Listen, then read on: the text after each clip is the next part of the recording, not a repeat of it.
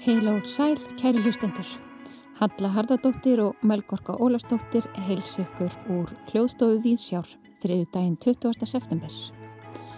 Mannöld í Surtsei, söngleikur í þjóðleikhúsi, grátur í smábílum og hjartaverfandi höst tónist í þætti dagsins.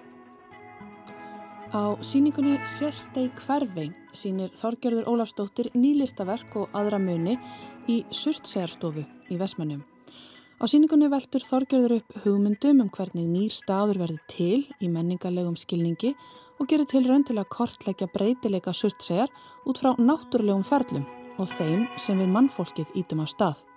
Við heimsækjum Þorgerði á vinnustofu hennar í þætti dagsins og fáum að skoða rekaefni, heyra af frökkunum sem vildu gera surtseða franskri nýlendu og fótspori í Móbergi frá 1965 sem hugsanlega er búið að fá eiganda.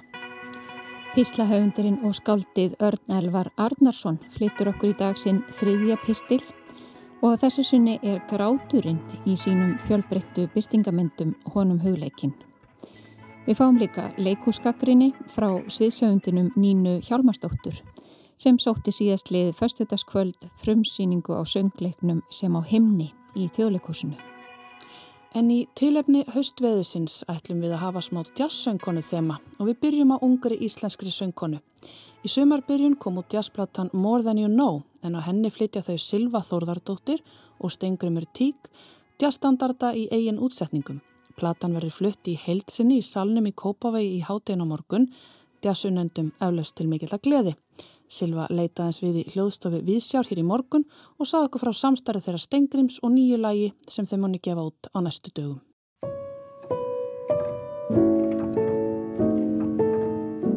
Silva Þórðardóttir, jazzsönguna. Getur þú kannski byrjaði að segja mér svona aðeins hvaðan þú kemur, hvernig fórstu inn í jazzin?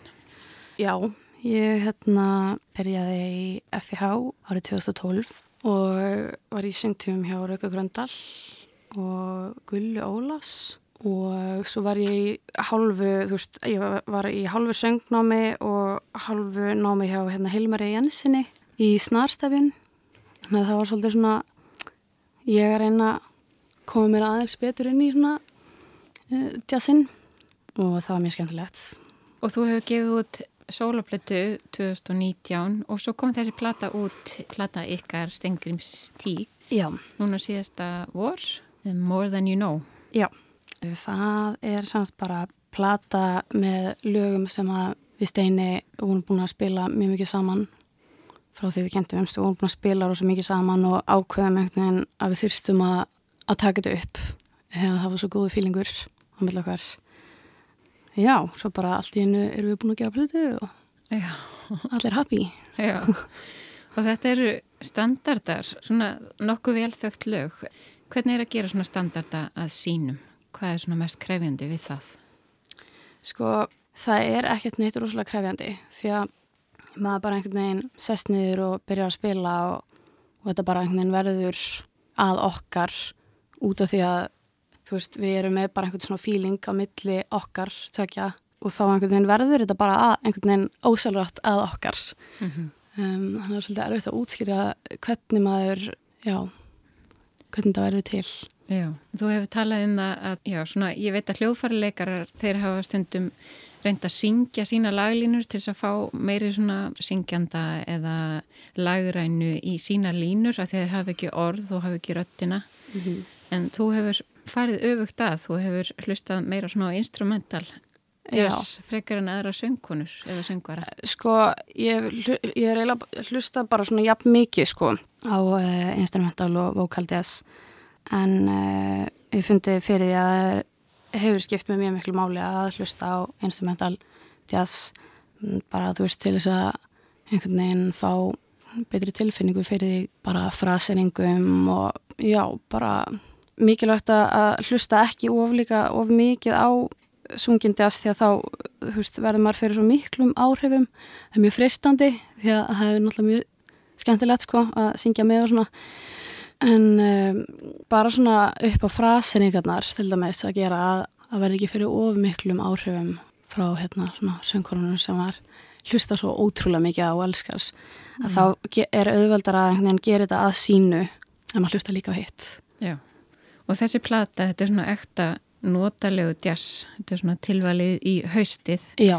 þessi plata sem ætla að spila og syngja á morgun í salnum Já.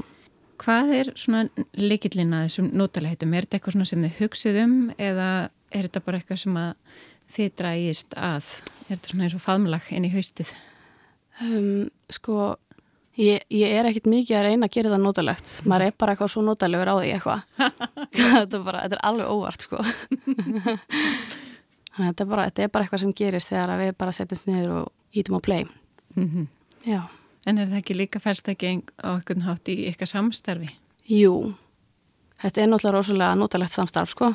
Mm -hmm og það er hérna mjög mikill plúsa að hérna að vera svona góðu vinnir og, og þú veist og maður er ekki eitthvað stressaður þú veist yfir því að já bara vera í kring hvort annað sko sem skiptir mér mjög miklu máli sko að líða vel með svona kollegum mínum Ummitt, það skilja sér Já En við ætlum að enda þetta viðtala á að heyra óutkomið lag frá ykkur stengrimi það heitir Try Your Wings Getur þú sagt okkur öldi frá þessu lagi?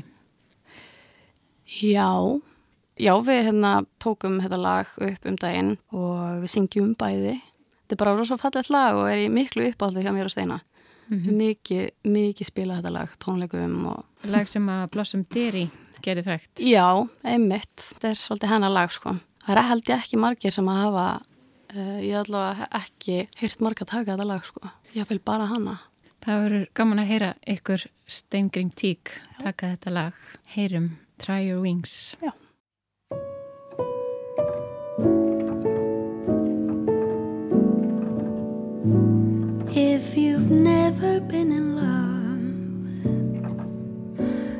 And you're longing for the happiness it brings, try your wings. If you're hungry for the sound of a lover saying sentimental things, try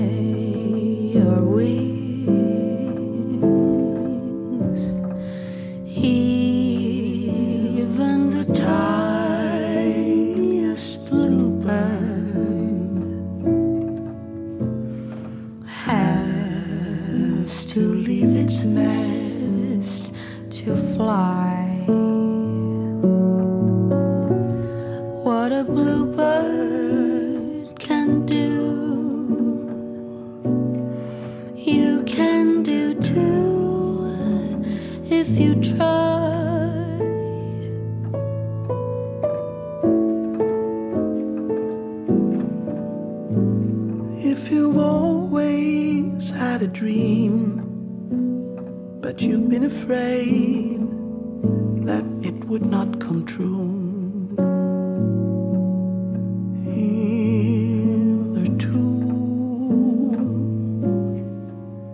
Fall in love and you will find that it's just what you've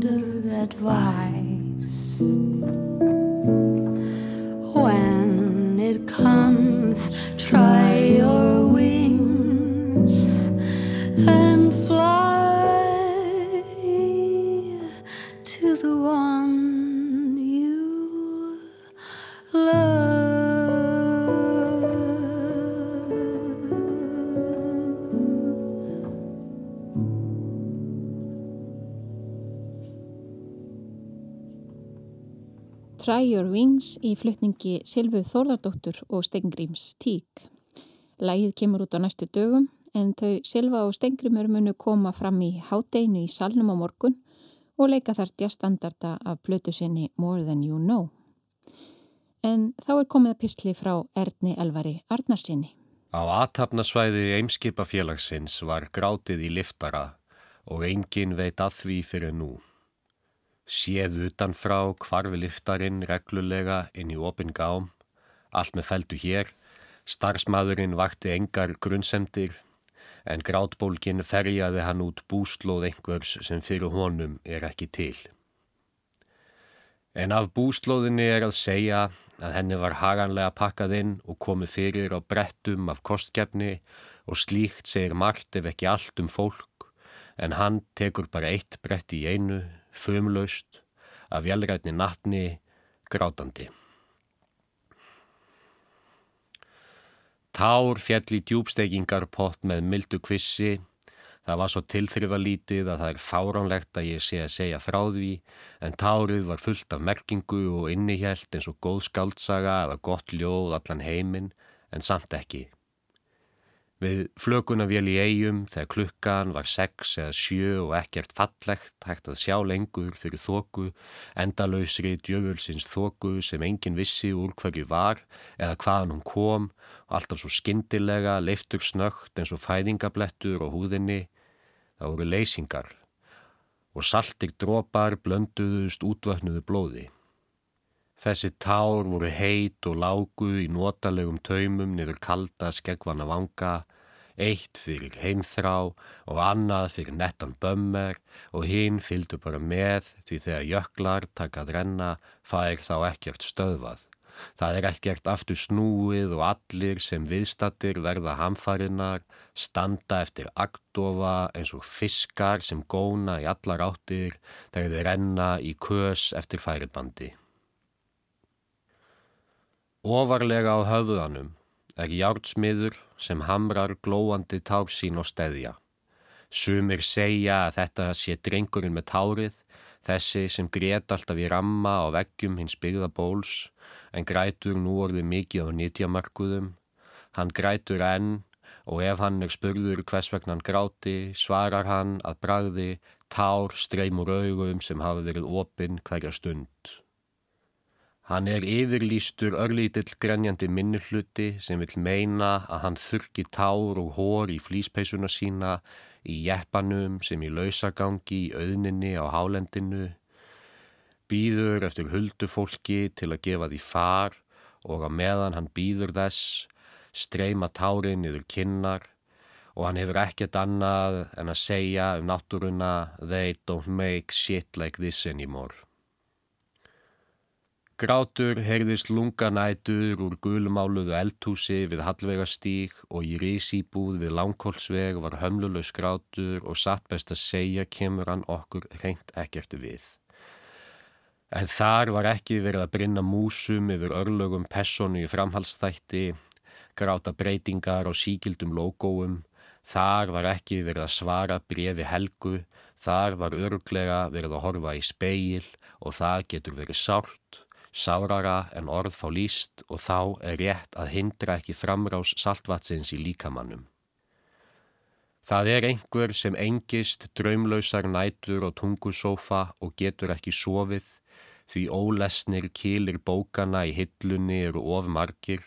Það er andað þungt og taugakerfið er sem fótstíð harmoníum sem býður þess að fá að hljóða fyrir sveitunga sína en sorgi Sveitin er bara lögst í eyði og þeir sem sungu sálma undir orgelinu þar, löngu dánir og kirkjan þar sem allir hittust í og tóku í nefið var afhelguð fyrir löngu.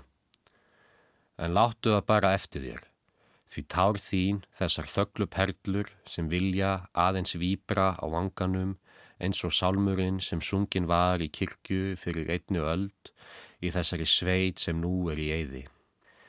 Það hægir kannski aðeins á framrástíman sem sinn, hleypir ekki jarðítunum alveg strax úr vör, þessum jarðítum sem ætlað umturna landslægi tímans. En þér liði allavega aðeins betur svona rétt á eftir eða þú letið það bara eftir þér. Tárvot augu lesa dagblað út á rúmsjó og tárin streyma á síðunar sem verða volknar og sæbarðar Það er manneskja á bifhjóli, hún grætur og öskrar látlaust, Hún sér ekkert undan hjálminnum fyrir móðu og táraflöym. Það er grátið í gömlum sloppin í skáp eftir vakt og það er barn sem grætur undir kóju sem hrundi í ægslum í afmæli. Það er einhver sem grætur á leiðin í apotekið. Það er einhver að huga að umbúðunum um sárin, finna neyðapilluna, sópa upp brotum úr mölvuðum spekli, Það er úrhelli skrátur í svepphoka í Þorsmörg þar sem á að vera svo gaman, sérstaklega þegar maður er ungur og fullur af ást fyrir lífinu og þrá og draumum sem ásækja mann öllum stundum. En oftar en ekki í útilegu vildi maður helst bara vera köttur sem líst þeir eftir á ljósastöður í vestubænum. Rattir, Eljar og Vilavil stráfella tár mín á bláum sófa Þau skrýða úr aukrókunum, engum í skjóli myrkus eins og silfurskottur en verða að endingu fugglar dagsins sem hafa tilneyingu til að ná engu flugi, eru þerruð í skirtu ermi eða hrapa loðrétt á sófan. Það er grátið út af stökum kvolpasveitasokk sem er óbærilegur minnisvarði á miðju gólfi, ekkin bilgjar puntstrá sem umkringja börn á ljósmynd sem tekin var fyrir því sem virðist í ljósára fjallægð Núna er vangstíður engill að stara á ásjónu sína í línulegum dúk. Ef hann grætur ekki innan skams mun hann aldrei gera það. Gráttu að kvöldlægi í sorglega algengum smábíl á meðan umferðin er létt og fólk á leiðinni heim eftir námskeið í bröðtertugerð eða bara eitthvað út í bláin undir fölsku flaggi á ferðinni, alltaf á ferðinni eftir nýlögðu glansandi malbygginu. Þar mun perlan á kvarmið þínum endurkasta geistlum af bremsuljósum bílana fyrir framann þig. Ef ykkur sér það munu flestir bara aka hjá, þykjast ekkit sjá, hafa augun á veginum, fyrkt eitthvað í miðstöðinni, gefa skildunum loksins almennilegan göym og spyrja sig, það skildi þó ekki vera meinvörp. Að gráta á rúndinum seinta kveldi er ekkert til að skammast sín fyrir, og ef einhver er að pæla í ástandi þínu grunar flesta sjálfsagt bara fallegt lag eins og dalakofan, lítinn fuggl en ég vill þó veðja á ökuljóð flutt af Stefán í Íslandi og ég vona fegurðina vegna að ég eigi kollgátuna.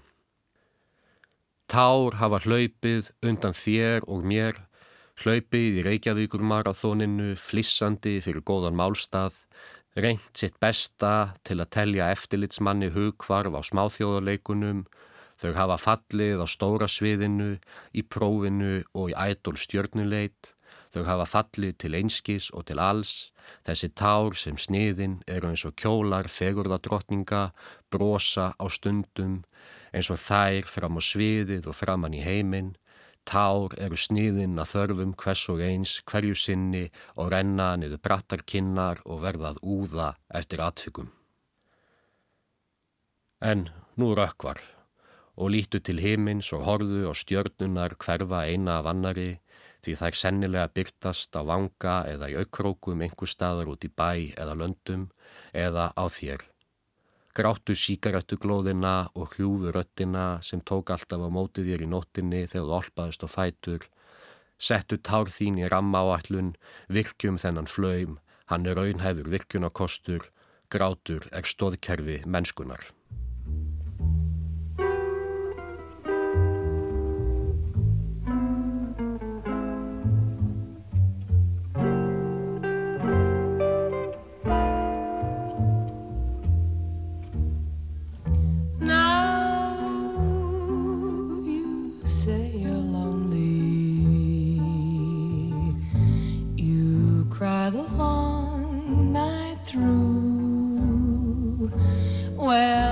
Cry me a river, cry me a river. I cried a river over you. Julie London með lagið Cry me a river. Hér lók pistils frá Erdni Elvari Arnarsinni.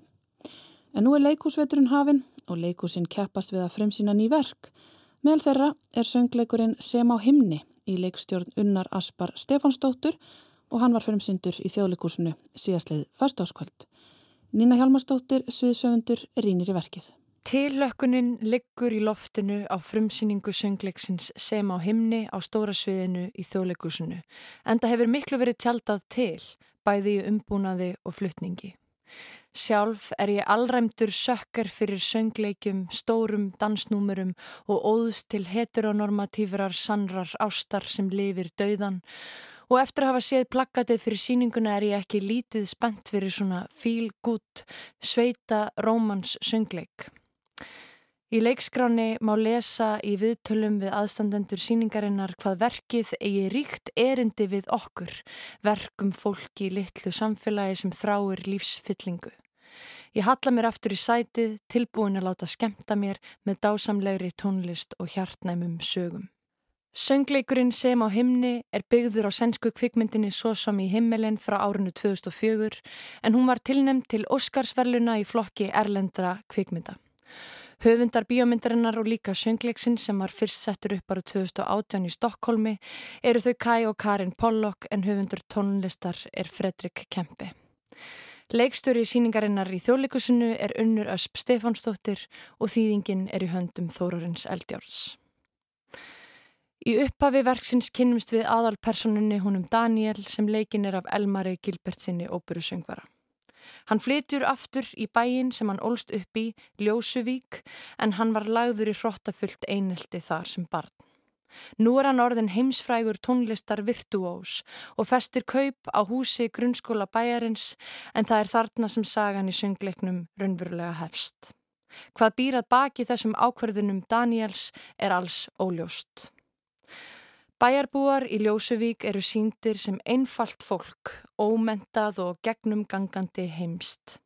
Konurnar eru með stjörnur í augunum yfir sjarmirandi heimsborgararnum á meðan karlmennunum finnst þeim stafa af honum ókn. Áður en langt er um liðið er Daniel orðin kórstjóri kirkjukórs bæjarins. Í bænum ríkir mikil ofbeldis menning og þeir hinir sem ekki beita ofbeldinu sjálfur eru meðvirkir gagvart því. Addi er óþólandi hrókagikkur sem leggur minnimáttar í eineldi. Dotti sem er fatlaður ungur maður er stöðugt niðurlæður af bæjarbúum og konur bæjarins eru sífelt druslu skammaðar. Grófast er þó ófilterað heimilisofbeldið á heimili þeirra Konna og Gabrielu þar sem Konni í tólkun kjartan starra Kristjánssonar lú ber Gabrielu konuna sína hvað eftir annað leikinni af valgerði Guðnadóttur á meðan bæjarbúar líta undan. Gabriela finnur skjól í kórnum og á endanum nær hún að brótast undan eiginmanninum. Sagan gengur út á að sína hvernig Daniel mentar bæjarbúa um gildi listarinnar og hjálpar fábrotnu fólki þannig að finna tilgang í sínu einfalda lífi. Daniel er tákn siðmenningarinnar, hinn gáfaði sjarmerandi bjargvættur sem kennir þessum villimönnum út á landi að hegða sér og opnar hjarta þeirra með tónlistinni svo vitna sé í verkið. Hann hefur aðgang að tónlistinni sem engin annar hefur, hann hefur þessa náðar gáfu sem hann deilir með landsbyðar hiskinu af örlæti sínu. Tónlistin í verkinu enginnist af ballöðu sönglögum eins og svo oft eru í söngleikum og Disney kvikmyndum, reyndar með örlillum keim af sænskri þjóðlega hefð. Útsetningarnar eru velgerðar en tónskaldið hefur haldið sig við formúluna með dæmigerðum hljómagangi og fyrirséðum upphækkunum á milli tóntegunda. Inn á milli koma grípandi kaplar en í raun er ekkert gert til að brjóta upp hefðina hvað þá að personum sé ljáð einhver sérstaða með tónlistinni. Tónlistin er ágætt þannig séð en fullkomlega andlaus og skilur ekkert eftir sig. Ég gæti ekki raulað stef úr síningunni þótt líf mitt lægi við. Í þessari uppfærslu hefur öllu verið telt fram til að búa til veistlu fyrir augu og eiru með góðri þýðingu Þórarins Eldjárs og miklu úrvalsliði leikara á samt hágæða lifandi hljómsveit undir stjórn Jóns Óláfssonar. Sviðsmyndahönnun Ilmar Stefánsdóttur er realísk framsetning á samkommu sal í smábæ á landsbyðinni. Lýsingin standir fyrir sínu og búningar Filipíu e. Elísdóttur eru bæði tímalauðsir og hverstaslegir. Þeir íta undir ímynd einfalds vinnandi fólks í lúðarlegum lopa, klæðnaði og flýspeisum. Sviðsreyfingar Lee Prout ná að skapa gott flæði á milli sena en annars var nýtingin á dönsurum verksins frekar lítill. Fyrir utan einstaka hopp yfir sviðið og snúninga fengu þau voða lítið að gera. Þegar slengt er saman realískri sænskri bíómyndum ofbeldismenningu í smábæ við söngleikja formið þá skapast skrítin tókstrita. Gabriela mætir í parti hjá kórnum eftir að hafa verið lúparinn af eiginmanni sínum með glóðarauga og útötuð í blóði. Viðbröð hennar og hópsins við þessum aðstæðum er að brjótast út í söngum, lífsviljan og vináttuna. Hérna er ætlunin líklegast að mála upp sterka mynd af þólanda ofbeldis en í staðin gerir söngleikurinn lítið úr áfallinu sem auksinilega hefur átt sér stað. Útkoman er svo að ofbeldið virist vera léttvægt eins og það sé ekkert mál að vera stöðugt barinn í spað. Ofan á þetta vekur ákverðun leikstjóran sem að sína sjálfan ofbeldisverknaðin en þá fleiri spurningar. Hver eru áhrif þess að pína áhórandan sem grýpur fyrir augun af óþægjendum? Eða hefði verið hægt að taka aðra nálgun, kannski gefa í skin eða láta hluti gerast utansviðs? Almennt má segja að það setji marksitt á handritið hversu lítið tröst höfundar hafa á skilningsgetu áhorandans. Að hann geti ekki munið eftir atvikum sem gerðust fyrir sögunni eða geti ekki lesið í aðstæður. Dæmi um þetta er í samskiptum prests frúarinnar Inger sem Katrín Haldóra Siguradóttir leikur eftirminnilega við mannin sinn hann séra Stefán í tólkun Hinriks Ólafssonar. Sengt í verkinu öskrar hún á prestin að óanæja hans með Daniel hafi ekkert með Daniel að gera, heldur minni Daniel hann of mikið á hann sjálfan þegar hann var ungur hugsunamaður. Ef handriti væri nú stert, ættu áhörendur sjálfur að geta áttað sig á þessum undirteksta um innra líf personu prestins. Á sama tíma og margt er of útskýrt í uppsetningunni eru samt líkil atriði sem virka óljós og jafnvel óskiljanleg og fær maður á tilfinninguna að stórum pörtum hafi verið hendt úr handritinu á kostnað heilegrar personu sköpunar.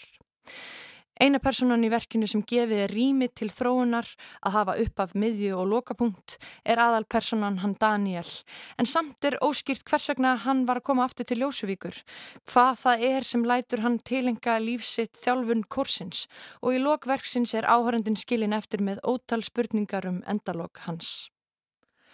Þarna er hópur af leikurum sem maður rétt sér bræða fyrir nokkrum sinnum og eru meira eins og bakgrunns skreitingar en ég ímynda mér að hlutverk þeirra hafi verið skert gríðarlega annars væru þau varla á sviðinu. Aðrir meðlemi kursins eins og hinn bælda Sif eða ástarleitandi Olga fá áhugaverða kynningu í byrjun sem fjarar síðan út í tómið. Þegar líður að lokum verksins koma hádramatísk augnablugg sem passa ekkert inn í heildarmyndina eins og þegar persóna Lenu, ástar viðfang Daniels í tólkun Sölku Sólar Eifeld, er útrópuð sem bæjar druslan en ekkert hefur bent til þessarar persónusköpunar hingað til. Hvenn personur verksins myndu aldrei komast í gegnum fyrsta hluta Bechtel-prófsins. Þær eru flatar, hafa ekkert vald eða sjálfstæði og virðast hafa þann eina tilgang í verkinu að vera annarkvort fórnarlömb eða hlutgerfingar fyrir þrá Karlmannsins. Persóna Gabrielu sem þólandi heimilisofbeldis gefur tilefni til að varpa hetju ljóma á Daniel þegar hann reynir að bjarga henni frá ofbeldi konna mannsins hennar og persóna Lenu er einstaklega góð manik pixi draumastelpa, hilki fyrir fantasíur karlmanna, dularfulla öðruvísi stelpan sem er svo hjarta hlý að hún er þess virði fyrir Daniel að opna sig fyrir. Söngstíl aðalpersonana tveggja, Elmars og Sölkusólar er mjög ólíkur og þó að þau séu góð hvort í sínu lægi þá verður samband þeirra aldrei trúverðugt vegna þessa. Auk þess minnir Daniel frekar á pappa hennar en elsköa sem skrifast ekki einungis á aldursmun heldur hvernig hún tólkar Lenu smástelpulega og hann tólkar Daniel sem þjáða listamannin með allt á herðum sér. Það er eitt karakter í verkinu sem þarf að ræða sérstaklega personan Dotti sem er fatlaður en hann er leikin af hennum ófatlaða leikara Almari Blæ Sigurjónssoni.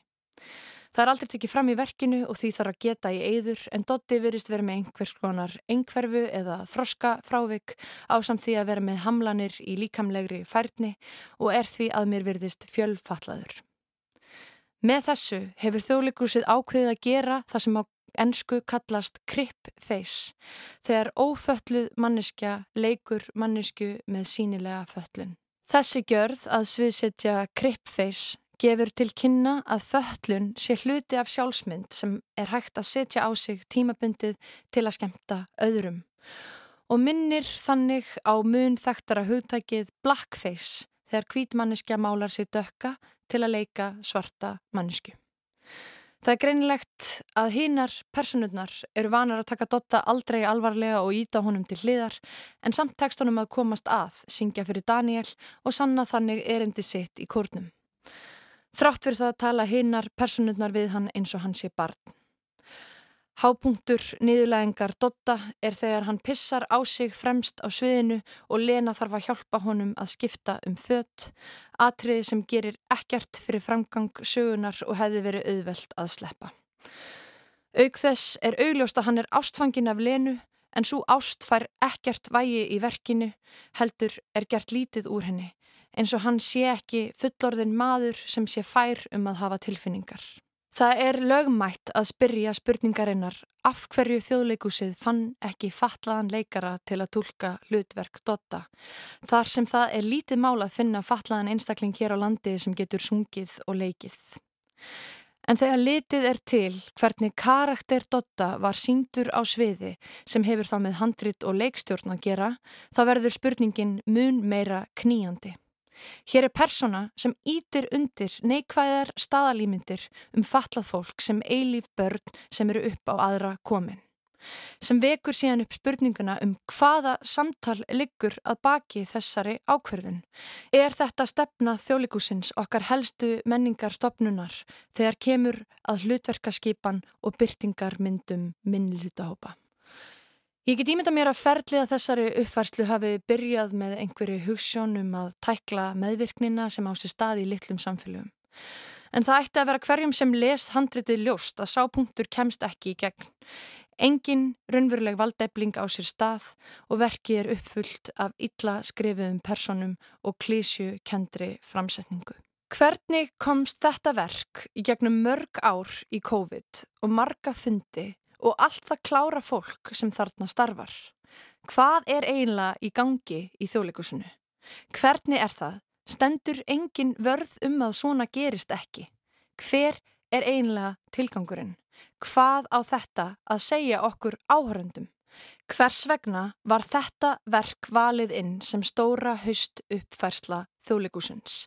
Eru engir ferlar eða kríterja í leikritavali sem tryggir að nærgætni sé gætt gagvart byrtingarmynd fólks sem hefur sögulega verið ósýnilegt á sviði og hvort handritið sé eitthvað meira en innan tómar klísjur.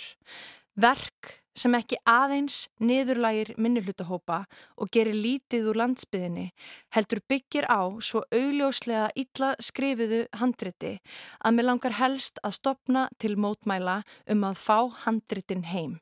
Sem sagt, þetta handrit aftur heim til Svíþjóðar. Takk.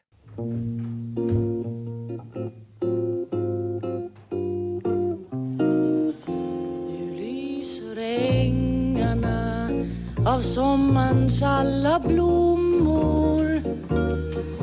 Nu surrar bin och fåglar sjunger överallt. Nu stryker vinden genom trädens höga kronor. Men i min trädgård är det visset mörkt och kallt. Här är det snårigt och förvuxet fult och risigt. Och lika hopplöst grått och trist som i mitt bröst. Där ute lyser det av sommarns alla blommor. Där är det sommar men här inne är det höst.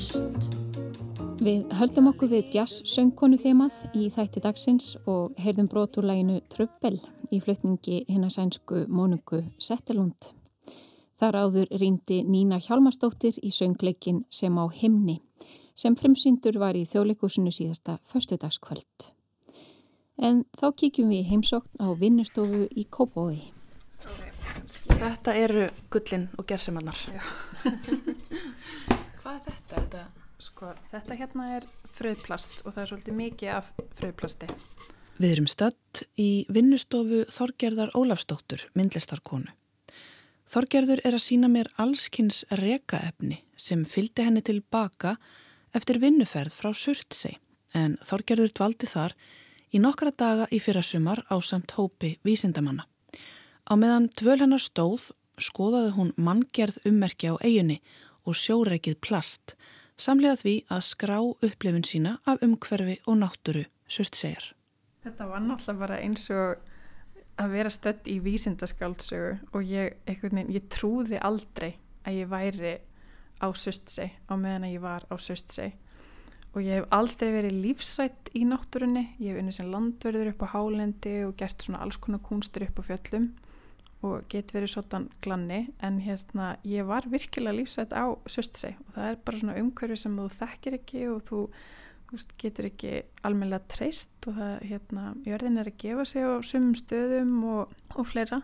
En þetta var bara ólýsanlegt og bara reynsla sem ég oftur að búa að bara alla æfiheldi ótrúlega dýrmætt að fá að hafa fengið að fara og bara einhvern veginn reyna átt sé betur á þessu og kannski skilja líka um leið af hverju þessi staður uh, og bara í rauninni hugmyndin um þennan stað okkur hún nær svona inn að beini Já, hugmyndinu um þennan stað nær inn að beini og hefur haft tök á þorgerði í ára tök.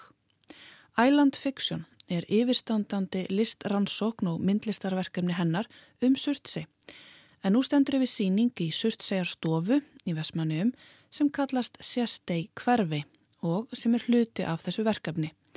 Og í smíðum er einnig bók sem kemur út á næstunni.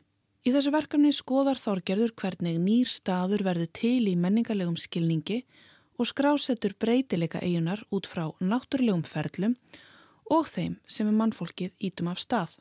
Stór hluti verkefnisins er innblásinn af vinnutölunni og rekanum, aftur að honum.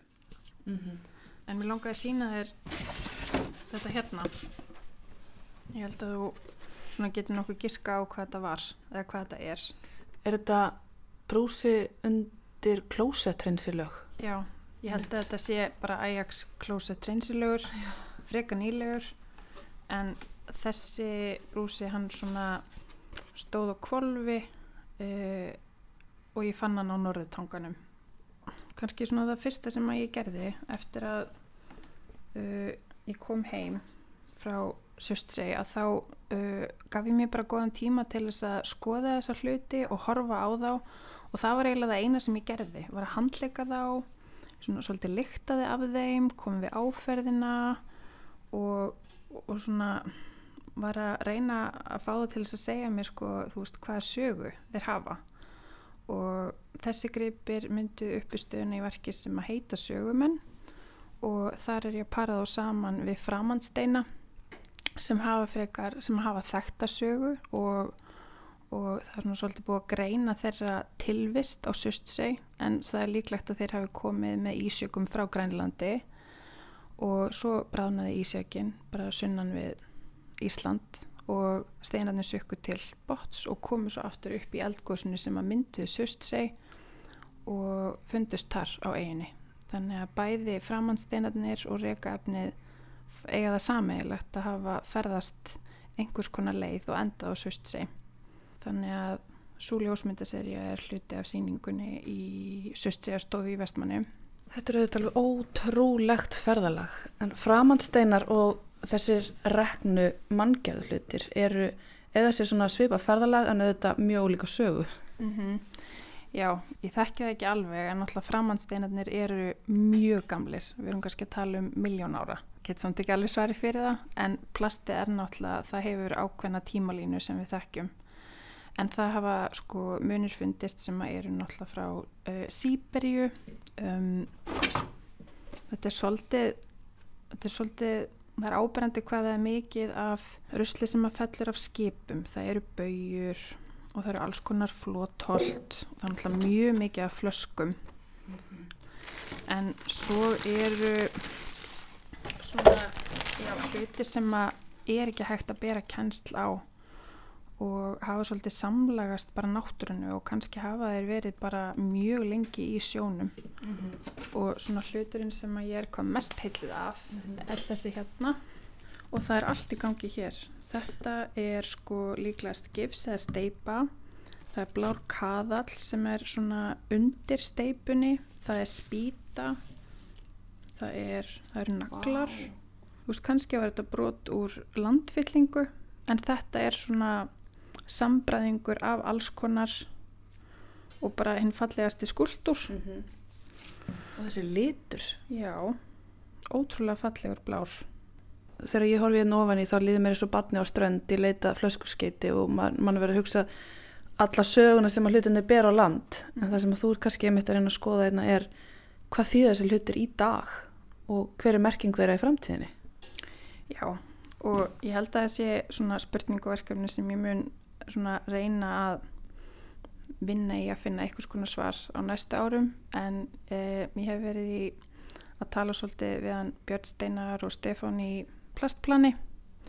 Og við erum að kokka upp smá verkefni þar sem að við ætlum að taka þetta reykaefni og vinna áfram. Þannig að það verður eitthvað skemmtilegt samkrull í náni framtíð. Mm -hmm. svo langaði mig líka til þess að sína þetta hérna.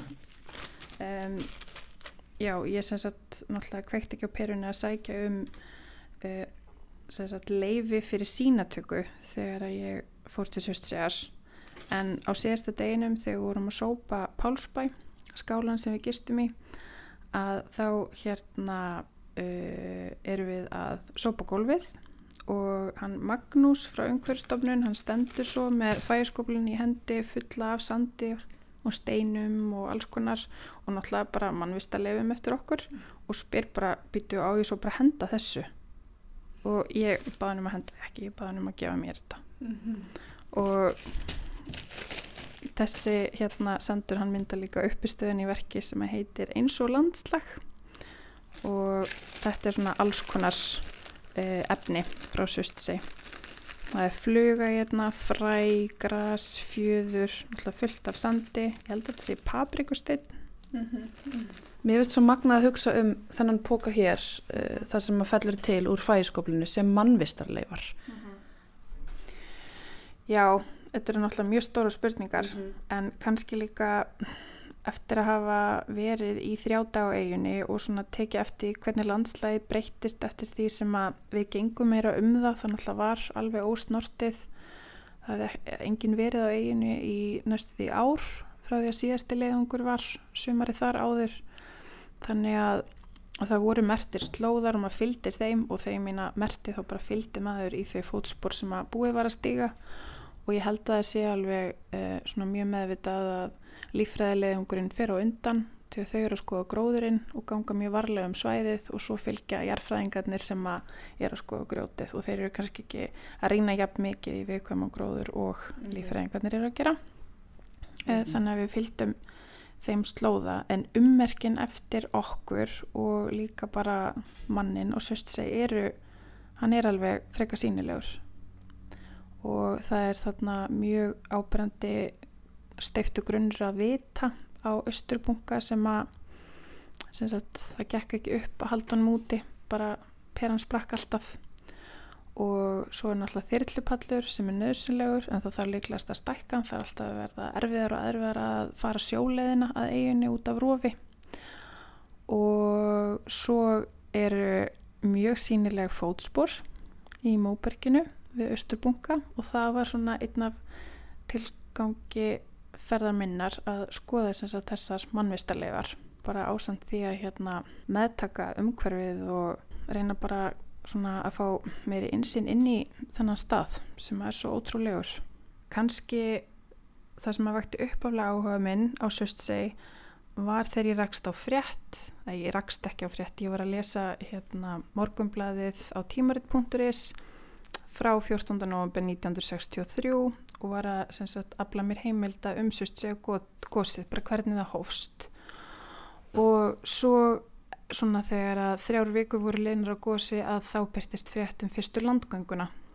Og það eru þrýr frakkar uh, sem að fóru eldsnam á morguns. Í rauniskjóli nætus, það var mikið leiniferð og voru sendir frá tímaritinu Paris Mats sem að hérna greiti fyrir leðangurinn komist út í eigu, gósi var eitthvað örlítið í rénun á þeim tíma sett upp franska fánan eins og þekktur orðið og líka fána Paris Mats og svo örðu þeir að hlaupa undan gósinu en þetta var allt skráð og hérna tekið upp á filmu af Þorgir Þorgirsinni meðal annars og uh, var svona já, talaði um íblöðunum og mm -hmm.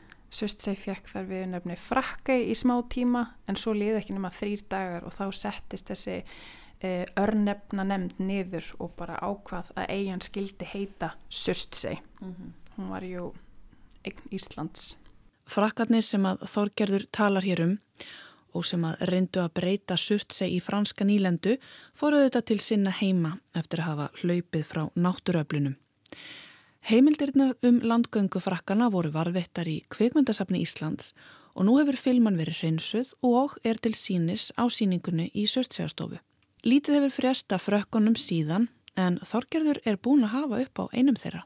Hann er 93 ára gammal, Pierre Masot og ég hef sagt, búin að manna mig upp í að skrifa honum bref og það er búin að þýða það yfir fransku og ég er bara að já, ég krossleik fingur og vonast til þess að heyra frá honum því það veri óbúslega dýrmætt að fá svona hans e, sjónarhort mm. og bara, já, reynslu af því hvernig það var að stiga fyrstur á eiguna og hérna, og þess að eftir þessa e, þennan fund og svo reynda fann ég sjálf morgunblæði líka þegar ég var eitthvað að gramsa í kólapostinu þannig á sjálfan mokkan frá fyrstu landgöngunni og það er svolítið eins og fyrsta tunglgangan. Og þetta er árið 1963 þegar að Bandaríkin og Sovjetríkin er að keppast um að koma manni á tunglið. En hérna það er talið líklegt að fótsporin sem að var verið að skoða núna stíðasta sumar hafi verið eftir hóp uh, fólks árið 1965 til 66 og uh, en fótspori sem við bókstala gengum fram á og fundum bara stöttu eftir að við lendum á eiginni það er mjög nett og það er eiginlega greinilegasta fótspori sem hefur fundist. Þannig að það er mjög líklegt að það sé eftir konu og það eru ekki marga konu sem hafa komið til eigarinnar á þessum árum. Það hafa verið tilgóttur um að þetta hafi verið fótspor eftir Elinu Pálmadóttur sem að lest í miður fyrir þessu ári. Mm -hmm. en það hefur verið mjög gaman að geta gefið henni þetta þrývítar prentaða eintak af fótsporinu. Þessi saga er alltaf svona að stakka og vera þjættari og dýbri og þar leðandi verki þitt í leðinu og þetta verkefni. Já. þetta mun aldrei klárast þetta verkefni. Ég er svona svolítið núna er ég að setja fókusin á þetta út af því ég held að þessi komi tími til að taka þetta alla leið. Það var, ég held að þetta verkefni hafi, það skiptist svolítið í tvo hluta.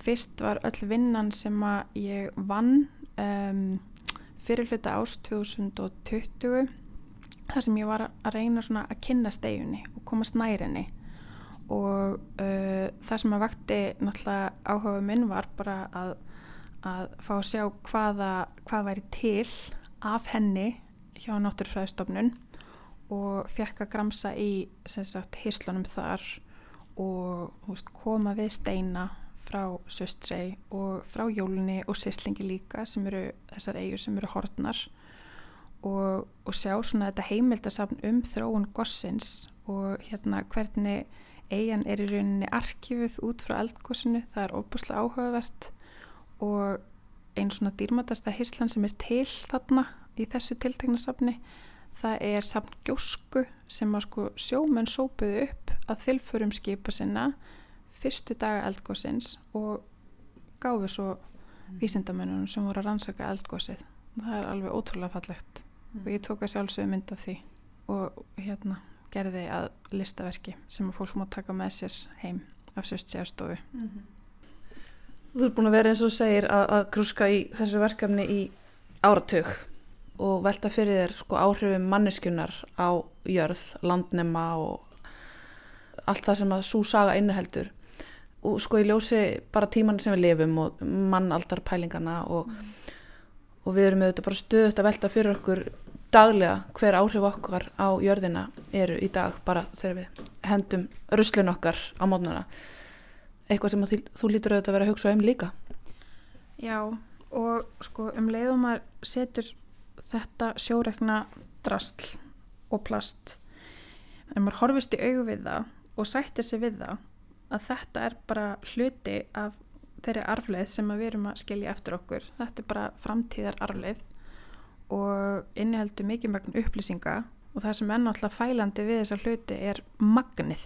Er bara þetta yfir þyrmandi umfang sem við bara í rauninni ráðum ekki við og þess vegna finnst mér orði rekaefni vera svo vel við hæfi sem að sem sagt, uh, hún Þóra Pétursdóttir fórtlega frá einhver hefur skrifað svolítið um. Þetta á svo vel við. Þetta er nútíma reki mm. sem að finnst hérna á jörðinni en líka út í geim. Rekaefni er líka þar.